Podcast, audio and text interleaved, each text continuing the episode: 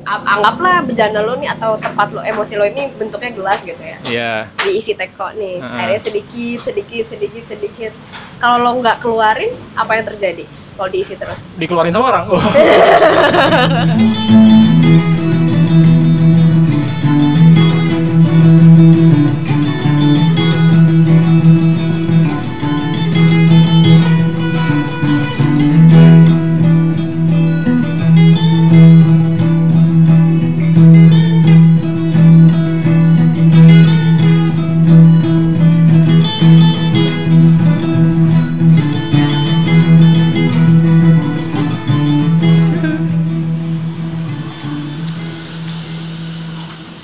Reca sayang sama Andre. Iya. ya, pertanyaannya umum. Itu sudah dijawab kan? Itu gimana ya? Lihat dari perlakuan. Iya.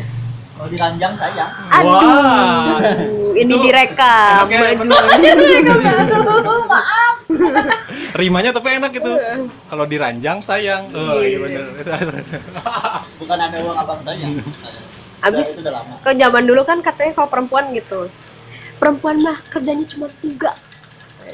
Dapur, sumur, kasur. Oh iya iya iya iya iya. Tapi udah nggak relate ya sama zaman sekarang. Iya. Masih loh. Enggak yang tadi Cak yang eh jangan ke kan tadi tadi gua sama Reca sempat ngobrolin permasalahan eh, apa Mental mood awareness. swing, mood Yes. swing, bipolar dan DID. DID. DID itu adalah dis Disassociate, disassociate identity disabi eh gue disability apa disorder. disorder jadi itu tuh kayak eh, ya kayak film-film inilah kayak contohnya di film Split yang mana eh, ada permasalahan mental jadi seseorang punya tujuh kepribadian ganda tuh banyak Dua- lebih lah 22. 20-an lah gitu Iya, ya. banyak-banyak. yang ekstrim Hmm. gitu ya dan kenapa jadi gue yang baca gimana sih Eh, ketertarikan bukan ketertarikan apa ya yang tadi lu ceritain nih masalah psychological thing yang lu pelajari karena base-nya lu suka itu pertama gimana lu bisa bisa ngulik ngulik ngulik dan lu sampai lari ke psikolog psikolog akhirnya gitu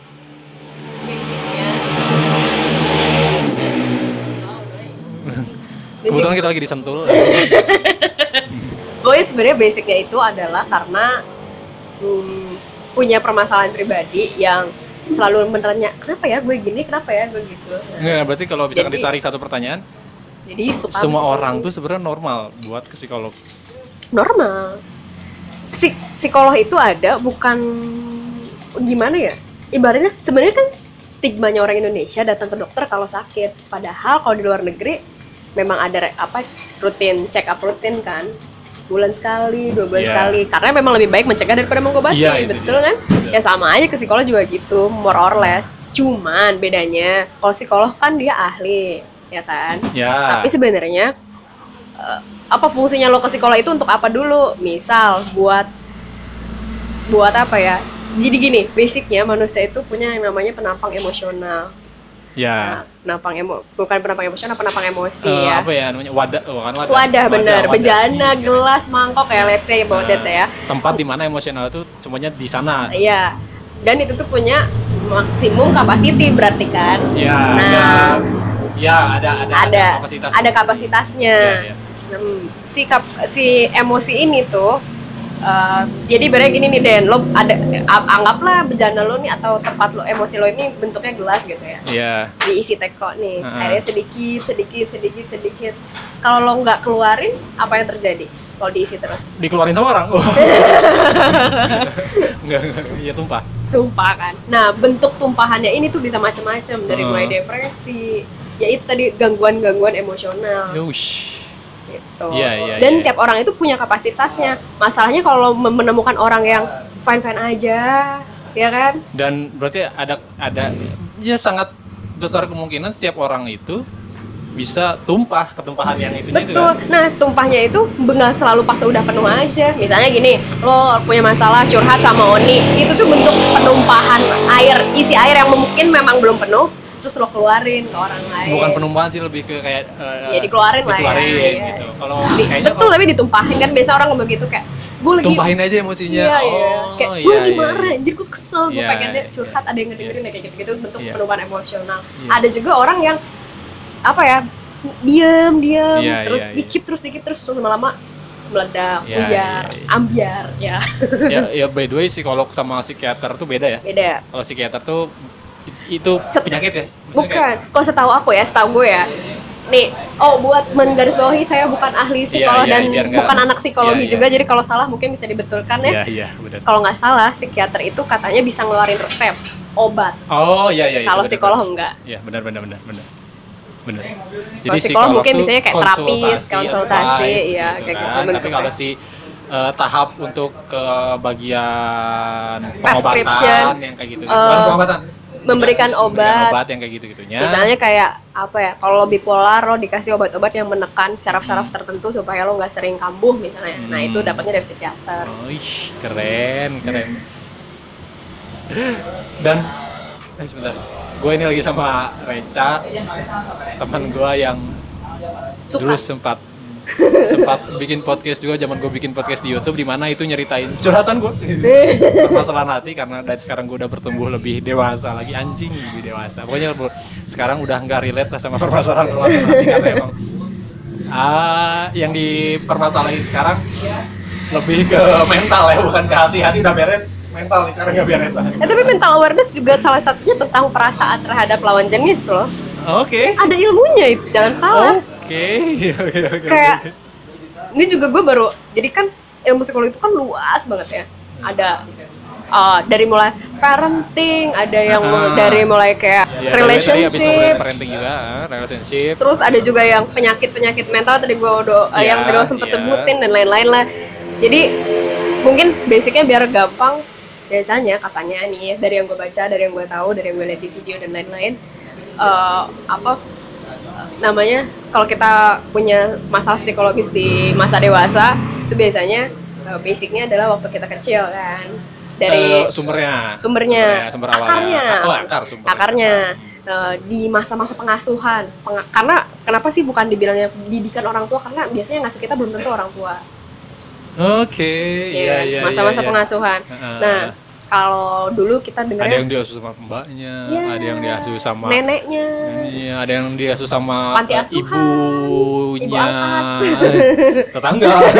gitu Bisa jadi. macam-macam kan. Ya, suka ada yang dititipin tetangga kan. benar juga Nah, kayak gitu-gitu. Itu tuh walaupun mungkin pada saat kejadian itu tidak terlalu terlihat pengaruhnya kepada si anak, itu tuh justru malah berdampak 15 tahun atau 10 atau 15 tahun setelahnya mungkin ya kayak gitu iya ya maksud lu. saat di mana tadi penampang emosionalnya udah penuh Oke, oke, anjir. Kad- keren, keren, kadang keren, keren. malah be- apa ya nggak kita kita nggak nyadar gitu kayak misalnya kok gue sekarang tuh kenapa sih anaknya tuh berani banget ngomong di depan publik ada teman gue pemalu banget oh ternyata dulu waktu dia kecil tiap kali dia mungkin apa misalnya melakukan kesalahan sama orang tuanya dimarah-marahin mulu jadi anaknya nggak pede Ah, Iya, iya, iya, iya, iya. iya. "Lu maluin kamu daripada kayak gitu mending nggak usah ngomong nah Oh, mungkin kata-katanya sekali doang tapi berbekas Iya, di alam bawah iya, sadar dia iya. akhirnya menjadi sistem di tubuhnya dia dan dia selama ini berpikir bahwa oh aku nggak tahu gue takut aja nggak tahu kenapa Iya iya iya dan itu tuh mungkin ketika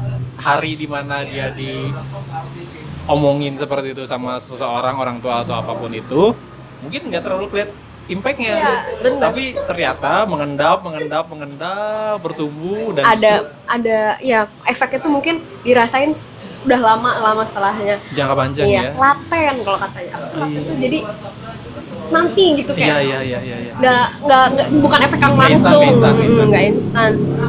berarti itu eh, bisa dijadiin pem- bukan pembelajarannya aware juga buat si ya rekan-rekan kita nih yang umur-umuran kita sekarang kan kebanyakan yang pada udah pada pengen nikah, pada udah 20-an lah ya, punya 20-an anak, gitu kan. gitu. Kan eh, dikira punya anak cuman gendong-gendong ngasih Nah, makan doang kan bener. gitu berarti ya. Iya. Gitu, itu Kita tuh mesti ingat kalau dia tuh manusia. Iya, punya itu rasa kan. punya hati. Nah. Jangan samakan dengan sama hati kita penyanyi. Apa ya oh rocker juga manusia candil mikir. siap nggak nge, itu lagu candil sialan iya maksudnya kan kebanyakan pada fokusnya ke aduh TK mahal nih sekarang Iya. aduh sekarang ini mahal itu mahal ini mahal ini mahal jangan dulu ke mahal mahalnya dulu deh berarti ya mending kayak mental aja dulu yang lebih basic Iya. gitu ketika lo emang Wah ya itulah pokoknya aduh eh gara-gara sebenarnya gue ngomongin yang kayak begini Jadi panjang nanti, nggak nggak bisa 30 menit ntar. Iya. Jadi basically kalau misalnya lo memang punya berencana punya anak, eh, gini, lo pernah denger nggak sih kalau misalnya anak itu punya yang namanya golden age? yes pasti, golden age iya. itu katanya kalau dulu 1 sampai lima tahun. Kalau sekarang lima lima tahun. Kalau sekarang katanya sudah diupdate sama para apa ilmuwan jadi sampai 8 tahun. Ini gue ngomong 1 Riset sampai ya? 8 tahun based on eh, ibu siapa tuh gue lupa namanya. Iya, pokoknya Ris- based on Risma www eh, rumah sehat mental dot blogspot.com gitu macam gitu gitu lah ya. Nah, gue emang sering ngikutin profesor-profesor psikologi. Ah iya, Boyke, Boyke. Iya. itu kayak nanti kita bikin satu episode lagi tentang hal itu. ya. Ya, pokoknya ada profesor gitu. Eli Risman memang nggak salah ya. Mudah-mudahan gue nggak salah. Iya, iya. Memang pakar pendidikan anak, psikolog anak lah ibaratnya Hmm. gitu. Memang dia punya concern ke sana. Dia bilang, Dan dia bikin film The Book of Eli. Oh, itu ya, anjing kerennya kayaknya enggak sih kayak gitu. Enggak ada enggak ada.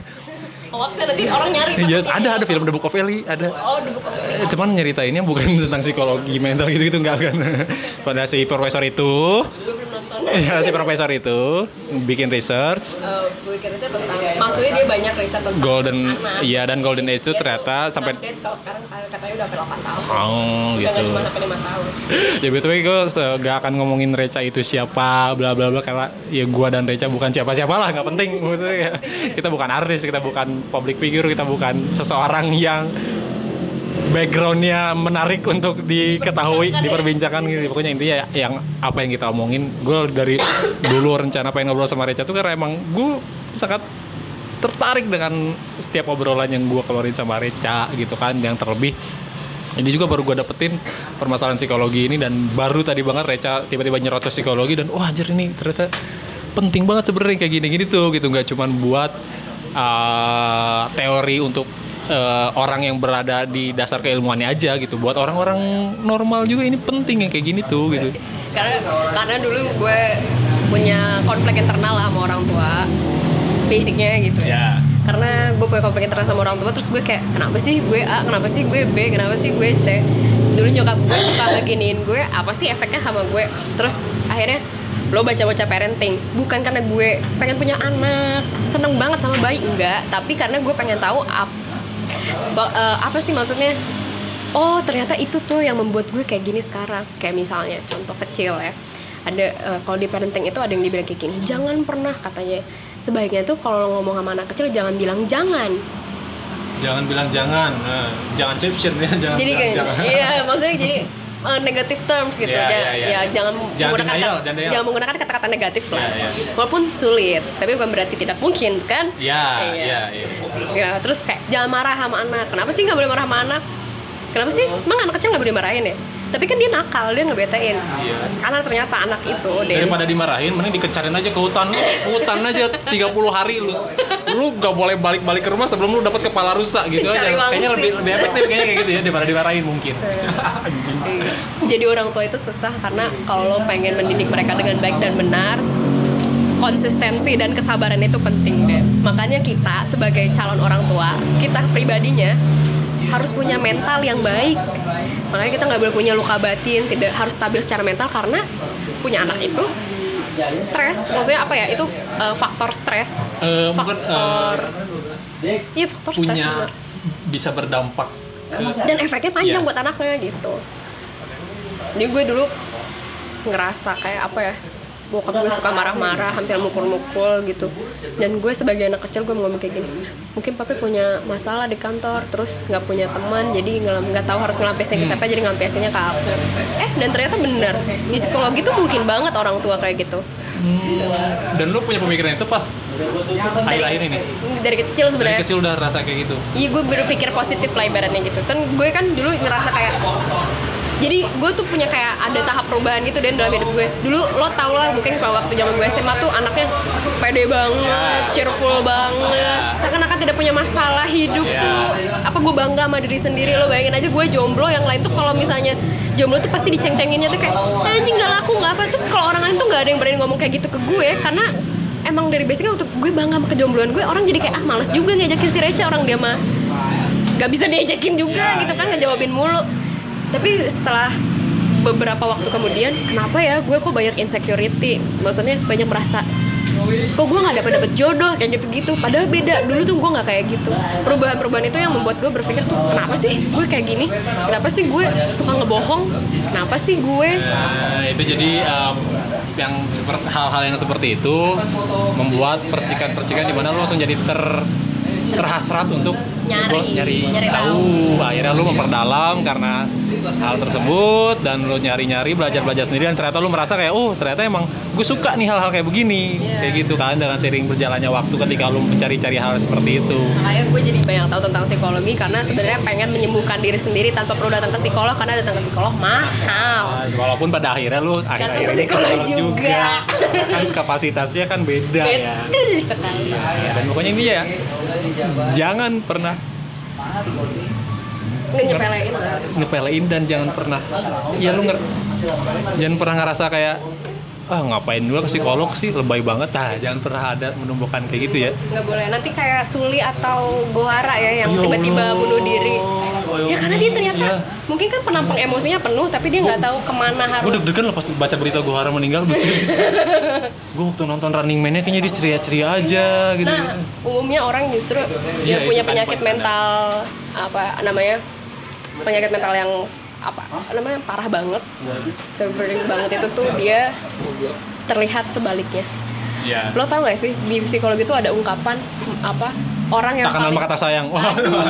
Psikologi banget ungkapannya tak kenal sama kata sayang. Aduh. Apa kat ya Selama kan ya maaf ya. Santai aja ya. Nggak apa-apa. Kalau pakai aja nih pakai aja Ilmunya pakai. Harganya tetap Ih, recetnya kemarin masih ada 20.000 ribu. Oh ya. Heeh. Kan gua bilang makannya gua aja, dia masih ada. Oh ya udah berarti lu bayar ini ya. Iyalah. Ini si Andre bisa sih. Oh. Dasar anjing. oh, misa ya. Kira-kira. Biasanya sih kalau yang udah misa-misa gitu tuh ya. Enggak kan gua tahu. Oh. Gua kan orangnya visioner. oportunis deh Aduh anjir apa tadi sampai mana? itu Ah, ya intinya lah. oh itu ungkapan tak nggak kenal sama kata saya tadi lu ungkapan di psikologi kalau misalnya orang yang tertawa paling keras Adalah orang yang menangis Sedih. paling deras. Iya. Anjir.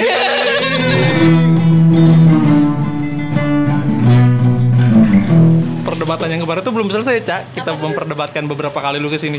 Kayak apa tuh? Yang masalah rokok nih. Oh. rokok nih. Gue menarik nih menarik. Gue lagi ngerokok. Eh si Andre juga ngerokok.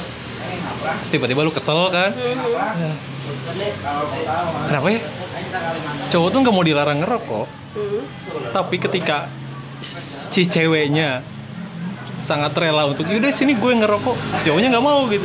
Kenapa coba? Nah itu Lu kan mau dapat tanggapan secara personal apa dari sisi psikologi nih? gue di, di, di, dilempar pertanyaan seperti itu sama lu kan gue skakmat ya nggak bisa soalnya kan kalau gue waktu ngejawab kenapa sih eh, apa namanya eh cowok nggak mau dilarang eh, ngerokok sama ceweknya ya. Maksudnya kayak ya udah privasi lah. Maksudnya kayak ada ranah privasi gitu ada ranah privat yang eh, ada boundaries di mana si cewek itu nggak bisa nembus sana. Ntar juga cewek juga tahu ntar ntar juga ntar juga ada masa di mana berhenti. Ah, ah, kayak gitu-gitu. Ya poli- politis lah jawaban-jawaban politis gitu. Cuman ketika ada pertanyaan tambahan ya terus kenapa lu ketika gua ngerokok si cowoknya malah nggak eh, nggak ini juga nggak apa ngelarang juga gitu gitu nah di sana kan gue bisa jawab gitu.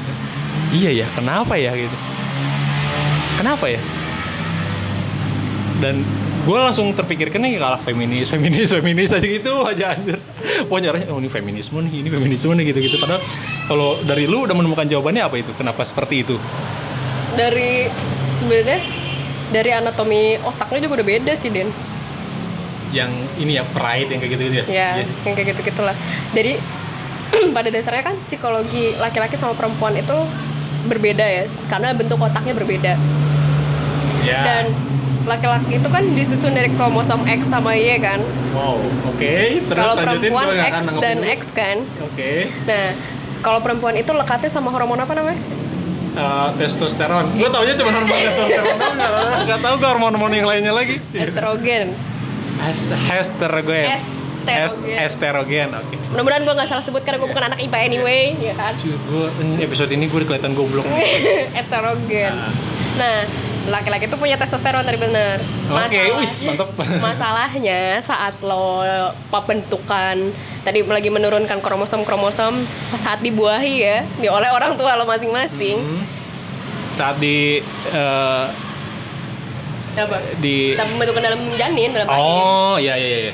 Lo tuh mungkin banget perempuan itu terdiri dari eh, XX dengan semua estrogen jadi bentuknya estrogen estrogen estrogen gitu Hmm. Jadi si perempuan itu tuh cewek banget Oke. tapi ada juga perempuan yang ada estrogen estrogen testosteron Ya. membuat perempuan ini sedikit terlihat tomboy atau Oke, tomboy oke, oke, oke. Nah, dan pemikirannya rada kelaki-lakian Oke. makanya dia beda dari perempuan pada umumnya Hmm. Begitupun dengan laki-laki. Ada laki-laki yang eh, aku lupa ya kromosom atau eh bukan kromosom ya. Gue tuh dulu eh, itu di videonya Dokter Aisyah gue nonton. Keren. Oh. Eh, di videonya Dokter Aisyah tuh dia ngejelasin nanti mungkin lo bisa relate ke nyari ke YouTube-nya aja Nanti ketik nanti aja nanti, Dokter nanti gue Aisyah cek, ya. gue cek, gue cek. Gue terus. Gue lupa apa dia punya tiga apa punya empat gitu ya si kromosom ini tuh laki-laki tuh mungkin aja punya testosteron, testosteron, testosteron, testosteron keempat-empatnya membuat dia sangat laki-laki. Dan ada juga yang mungkin testosteron tiga, estrogen satu membuat dia lembut, lebih ngerti perempuan. Manja ya. enggak, enggak juga. Iya. Dia membuat apa ya? bikin Oh, dia tuh iya, jadi iya, iya, lebih paham relate sama Ya gue lah, gue banget lah. Ya. Anjing. Ada juga mungkin ya Statement banget bangsat. seimbang nih testosteron testosteron estrogen estrogen membuat dia sedikit gemulai Oh, Oke, oke, oke. Gitu. Itu genetik ya berarti. ya sedikit gemulai atau mungkin ke nah, yang kalau kita tidak awasi secara lingkungan tuh nanti Nah. anak tersebut bisa menjadi homoseksual di masa depannya atau yang rada bences-bences kanan kiri gitu Ya, dan by the way ini ke arah pertanyaannya itu mana nih? Nggak ada. Eh, kan jauh nih. basic dulu nih Jauh nih. Gue mau gue mau ke Garut gitu. gue ajakin muter dulu ke Ya Pangandaran ya kan. Nah dari situ kita tahu ya bahwa laki-laki itu dari apa kodratnya aja udah beda nih sama perempuan dari segi pemikiran pun sama.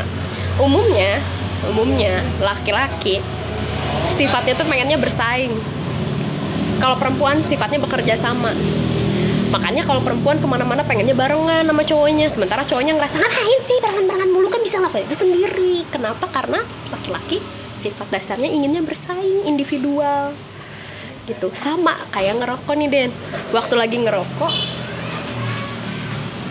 ya, bukan ngerokok ya? Cowok itu nggak suka dilarang-larang karena dia merasa kalau dia dilarang-larang artinya dia ini apa tidak sempurna lah Tapi kayak banyak salahnya paham gak sih Iya, iya, soalnya iya. kan cowok tuh karena basicnya ingin bersaing dia goalsnya apa sih kalau pengen bersaing Menang.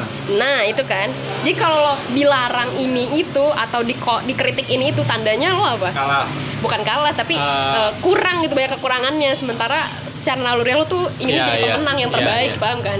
Oke. Makanya cowok senang banget kalau ceweknya tuh tergila-gila sama dia dalam arti tuh kayak seneng dipuji Seneng Seneng lah kalau ceweknya Ibarat apa ya Lu paham lah pasti ngerasain Iya, iya, iya. ngerasain itu kan Iya, iya. Di, Dipuja dan dipuji oleh perempuan tuh Eh, jadi satu kebanggaan tersendiri lah gift yang sebenarnya nggak kerasa cuma kayak anjing seneng juga ya gitu kan. Hmm. dan cowok itu nggak akan minta nasihat kalau tidak diperlukan lo pasti bete banget nah nasihat ini ini kan nasihat tuh kata-kata baiknya ya Hmm. kata-kata yang biasanya diungkapin sama cewek itu dikasih tahu kayak ngapain sih kamu ngerokok sebenarnya kita peduli kan Ya. karena kalau kayak cewek kan sifatnya inginnya bekerja sama. Iya. Kalau bekerja sama which mean apa artinya? Kalau ada kekurangan langsung dikasih tahu biar bisa langsung diperbaiki. Kalau laki-laki enggak.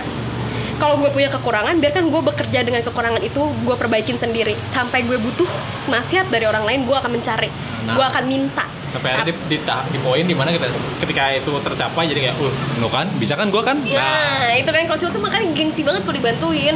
Karena dia ngerasa, ya indi- individualis memang apa ya kodratnya tuh pengennya bersaing umumnya ya ini umumnya ya Iya, umumnya nggak umumnya spesifik ya, satu nggak hal spesifik satu umumnya gitu jadi ya kalau lo dikasih tahu kayak nyetir deh nyetir nih kita punya tujuan gue mesti let's say gue mesti ke undangan jam 7 ya gue disetirin nih gue tahu nih dia salah jalan cowok gue kalau gue kasih tahu gue ngasih tahu nih lo Den ngapain sih Den lewat sini biasanya mulai bete tuh dia ya ya ya terus pas gue bilang Den, Den, Den, berhenti deh, berhenti. Ini kita udah salah jalan lagi. Lu tadi gue kasih tau belok kanan, belok kanan, nggak mau belok kanan. Makin kesel dia, makin ngerasa dikecilkan dan Iya. dikucilkan. Sampai bilang, berhenti Den, udah, ini kita nanya aja sama orang. Lo nggak ngerasa dihargai di sana, karena lo tidak berhasil memecahkan masalah lo sendiri. ya Karena buat laki-laki, ketika gue ingin bertanya sama orang lain, meminta bantuan, minta nasihat adalah atas kehendak diri sendiri. Di mana gue merasa berarti gue udah nggak mampu dan dan orang yang akan dia mintai nasihat, masukan, saran, kritik itu adalah orang yang dia pilih. Gak semua orang bisa ngeritik dia, ngasih masukan sama dia. ya ya ya kita berhenti dan bertanya, secara harga diri lo merasa dilukai, tapi lo nggak berani ngomongin itu. Kenapa? Karena lo secara harga diri merasa malu nih kalau gue kasih tahu ke dia kalau gue tersinggung. gengsi dong Gengsi. Karena memang basicnya adalah ya lo tadi kamu tuh ingin jadi pemenang, melindungi kodratnya perempuan itu dilindungi. Masa dia lebih pintar dari gue? Masa dia lebih tahu jalan daripada gue? Jadi sebenarnya dia benar, tapi gue nggak mau mengakui karena harusnya gue yang kayak gitu bukan dia secara nggak langsung ya. Cowok tuh biasanya kayak gitu kan? Nah jadi sama masalah ngerokok juga gitu Den. Lo nggak mau kita kenapa-napa karena lo tahu itu tuh salah. Maksudnya itu tuh bisa melukai lo Iya. bikin lo sakit dan lain-lain. Kalau gue gue mampu. Gue selama ini udah nyoba gue bisa gue ngerokok baik-baik aja kalau lo belum tentu. Dan si cowok nggak nerima kalau misalkan diomongin seperti itu oleh si cewek. Iyalah of course. Dan ya makanya kalau misalnya ditanya Kenapa sih lo nggak mau berhenti ngerokok Ya belum saatnya. Ini anggaplah itu masalah. Gue masih bisa menghandle masalah gue sendiri. Saat gue berhenti itu adalah keputusan pribadi gue Dengan alasan pribadi gue Dan kalau gue butuh pertolongan gue akan minta. Orangnya pun akan gue pilih. Lo memang orang terdekat gue Tapi bukan itu fungsinya lo ada di samping gue Perempuan itu buat laki-laki itu Bukan untuk yang nasehatin-nasehatin Bukan. Muji Ya. support. Support support, support system. system iya iya iya Padahal, padahal buat perempuan kita ngelarang kamu ngerokok tuh karena sayang. support support juga, Support untuk Gua kesehatanmu lo loh kenapa-napa. Gue Iya. butuh lo dalam jangka panjang. So please jangan ngerokok. Heeh, iya. Terus jawabannya cowok apa coba kalau dibilang kayak gitu? Yang sehat juga bisa mati. Ya, yang nggak ngerokok mati ya, ya Yang ngerokok kalau mati, yang nggak ngerokok juga mati. Iya. Terus gue jawabin lagi, ya kalau gitu gue minta satu. Tuh anyway kita bakal mati juga. Tapi nggak mau, kenapa? Iya. Karena sifatnya cowok protection Iya, iya, dan iya. melindungi. Emang nalurinya dia kayak begitu. Iya iya iya iya iya iya iya iya iya iya. Oh, Valentino Rossi ngelewat. Wanjay, wanjay. Iya iya iya iya. Benar benar benar setuju setuju. sebenarnya gue paham kenapa mereka nggak mau ya gitu ya memang gengs ya memang bukan gengsi ya emang behavioral sistemnya emosional otak dan lain-lain gitu sih anatomi badan tubuhnya Iya udah dari gen berarti ya. iya. Sebenarnya jadi sekarang ini semakin gue banyak tahu tentang psikologi sampai ke anatomi otak dan lain-lain gue tuh merasa apa ya ya alhamdulillah dibekali ilmu yang bisa membuat pria lebih mengerti. Tapi gue juga manusia dan kadang-kadang gue juga egois kok. Iya. kayak maksudnya egois itu dalam arti kayak gue paham nih sebenarnya. Misal cowok gue si Andre jebelin nih di jalan udah tuh salah kesel gue dia salah jalan. Gue gue mau terlambat nih kalau dia salah jalan. Tapi kalau gue kasih tahu gue tahu akan melukai perasaannya dia dia pasti bete udah fix banget itu mah. Iya. ah kenapa sih lo kamu nggak belok kanan? Kata kalau misalnya kita lurus tuh macet. Enggak ini tuh lebih cepet. Kalau belok kanan tuh muter iya belok kanan muter tapi belok kanan nggak akan macet kayak lurus. Enggak tenang aja sih terus macet beneran dia diem aja Terus bilang- pasti, pasti kayak begitu cowok, pasti dia. terus aku gini gue tahu gue tahu alasannya kan sebenarnya gue melukai harga diri dia dan lain-lain tapi Dan kan dan dan gue pengen marah dan sebenarnya ada sih? ada template cewek sebenarnya kalau misalkan ada di momen itu tuh tuh kan, nah pasti gitu Nah. itu template cewek Iya. itu kan Iya. udah bilangin.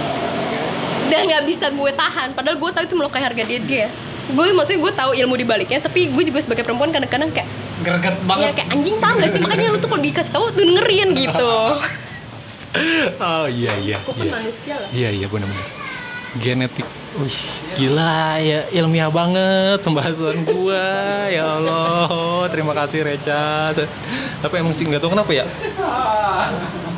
Eh emang karena gue Pisces kali ya jadi kalau setiap juga Pisces, ya Pisces. Anjing, ngomongin ini lagi. Tapi ya emang emang emang ada satu hal dari si astrono apa namanya astrologi itu yang yang sedikitnya berpengaruh di kehidupan gue yang gue rasa kayak bener juga. Itu itu ketika si Pisces itu kan dia eh, dia ngobrol sama ini bisa ngikutin gayanya dia dia bisa ngobrol, sama ini bisa ikutin gaya obrolannya dia kayak gini dan gue tuh sangat merasa itu dalam kehidupan tuh. Jadi ketika gue ngobrol sama gila ketika gue ngobrol sama orang-orang goblok ya udah gue gue jadi goblok gitu.